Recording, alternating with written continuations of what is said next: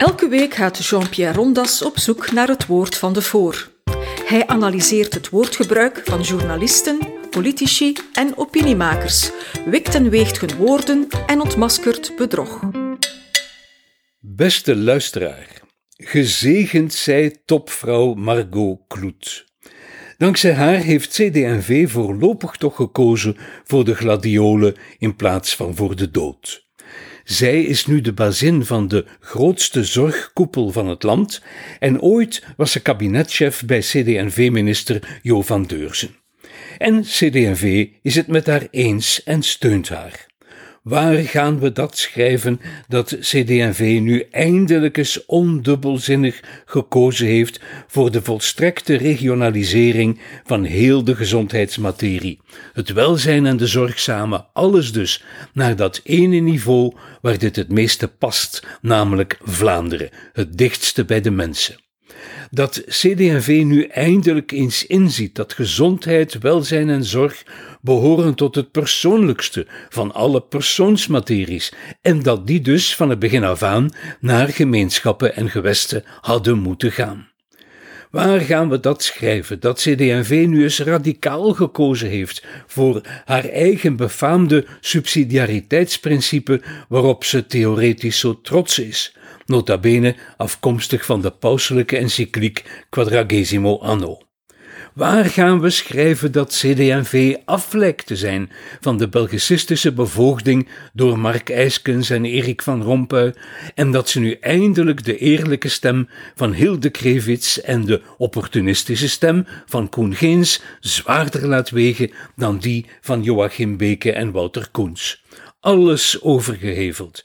Niet zomaar enkele bevoegdheidspakketten, waardoor alles nog meer vernesteld geraakt, maar gelijk de hele zwik. En dat wil zeggen dat CD&V zich een beetje emancipeert van Beke en van haar statuut van B-partij, Belgicistische partij, waar ze in de regering Michel en voordien in de regering Di Rupo nogthans hard aan gewerkt had. Misschien wordt CD&V wel weer een Vlaamse partij dan zou ze zich loszingen van de B-partijen SPA en Open VLD, die in zaken het communautaire altijd dezelfde standpunten innemen als de Belgicistische PvdA. Dus niet alleen geen herfederalisering van de gezondheidszorg, maar omgekeerd nog meer regionalisering. Alles naar Vlaanderen. Een echte communautaire eis is dat. De eerste communautaire eis sinds BHV, Brussel-Halle-Vilvoorde, weet u nog? Een serieuze stap voorwaarts in de uitvoering van de Vlaamse resoluties van 1999, weet u nog? En dat terwijl we eraan gewend zijn geraakt dat er geen enkele Vlaamse eis meer werd gesteld. Een periode waarin we al tevreden waren als we de bazookas van de Belgicisten en de rebellers en de herfederaliseerders konden pareren. Een periode waarin elk politiek initiatief alleen maar van Franstalige zijde leek te komen. Dat maakt dan dat CD&V weer herkenbaar kan worden in haar oorspronkelijke christendemocratische kerntaak, namelijk zorg voor de mensen van hier, de mensen van de pannen tot op Grimby. En dan maakt ze ook kans om een van de overlevenden te zijn. Ik bedoel, minstens één van de drie kleurpartijen, SPA, Open VLD en CD&V, overleeft de aanstaande omwenteling niet. En de enige kans voor CD&V ligt in een radicale keus voor Vlaanderen. Voor het land waarin ze als partij opkomt en waarin haar politici verkozen worden. Want CD&V heeft toch een oerslecht palmares wat betreft communautaire betrouwbaarheid. CD&V heeft een imago van tjeverig vermomd politiek verraad. Onder Beke, Wouter Beke dus, heeft deze partij nog altijd de lessen niet willen trekken uit de splitsing der partijen na Leuven-Vlaams in 68-69, toen alle Franstalige partijen gezamenlijk inzagen dat er voor hen in Vlaanderen niets meer te rapen viel en dat ze hun indammingspolitiek van Vlaanderen beter konden voortzetten vanuit een gegarandeerde, versleutelde positie vanuit Wallobruks zelf. En dus schaften de Franstaligen alle Belgische partijen af, Ze beschikten sowieso toch over de taalrollen om er de grendos op te baseren. Weg dus met die unitaire partijen. En dat heeft CD&V lange tijd niet willen zien. Al te lang bleven de partijbaronnen en vooral Herman van Rompuy zichzelf beschouwen als behoeders van de staat België en niet van het land Vlaanderen. Al te lang dachten ze dat ze nog iets te zeggen hadden. En stuk voor stuk werden deze kopstukken gedemonteerd. Het is deze verblinding, absoluut en tegen beter weten in de hele staat België te willen redden, het is deze verblinding dus die misschien het debakkelen van 2011-2012 kan verklaren, toen Beke na anderhalf jaar padstelling toch de NVA liet vallen, overstak naar Elio Di Rupo en zo de twijfelachtige eer geniet de architect geweest te zijn van de zesde staatshervorming. De zesde staatshervorming. Het onding waardoor we opgescheept zitten met de rommelige bevoegdheidsverdeling die we nu kennen waarbij elk stukje bevoegdheidsoverdracht naar de regio's werd belast met mitsen en maren en uitzonderingen op uitzonderingen.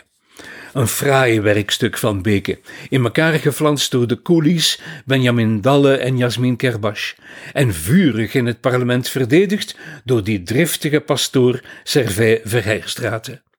Volgens Beke zelf was CD&V, ik citeer, een Lazaruspartij, en met Lazarus bedoelde hij niet de Melaatse Lazarus uit de parabel, maar de dode Lazarus voor wie Jezus te laat komt en die hij dan maar uit de doden opwekt. Typische metafoor van Beke zelf, inderdaad, pretentieuze zelfsabotage, sabotage van zijn partij en sabotage van Vlaanderen tot grote tevredenheid van de Franstaligen. En hier zitten we nu met een staat waarop geen staat valt te maken. Maar zijn tweede wapenfeit, van Beke dus, is de houding van CD&V tijdens de regering Michel. Of dacht u soms, beste luisteraar, dat Chris Peters en Wouter Beke toen in de oppositie zaten? Daar leek het wel op, want vanuit de regering voerden ze oppositie tegen hun coalitiegenoot N-VA. Beide genieën, Peters en Beke, hebben de hele kabinetsperiode Michel verzuurd en gesaboteerd, omdat ze niet konden verkroppen dat ze nu de derde viool moesten spelen.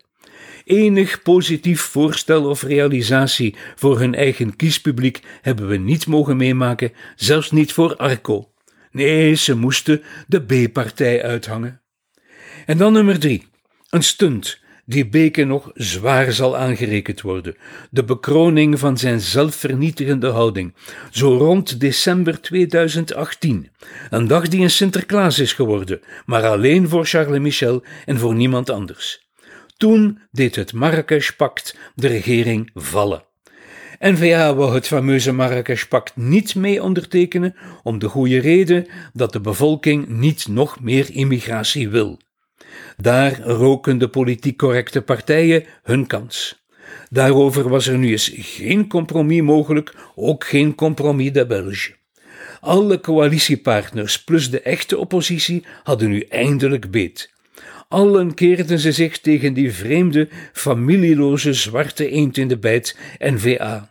Het gehuil dat toen van de banken van alle partijen, CD&V inbegrepen, opsteeg tegen die ene Vlaamse partij was ongehoord in de geschiedenis van het Belgische parlement. Maar nog erger was de hypocriete praat die Wouter Beke daarbij verkocht.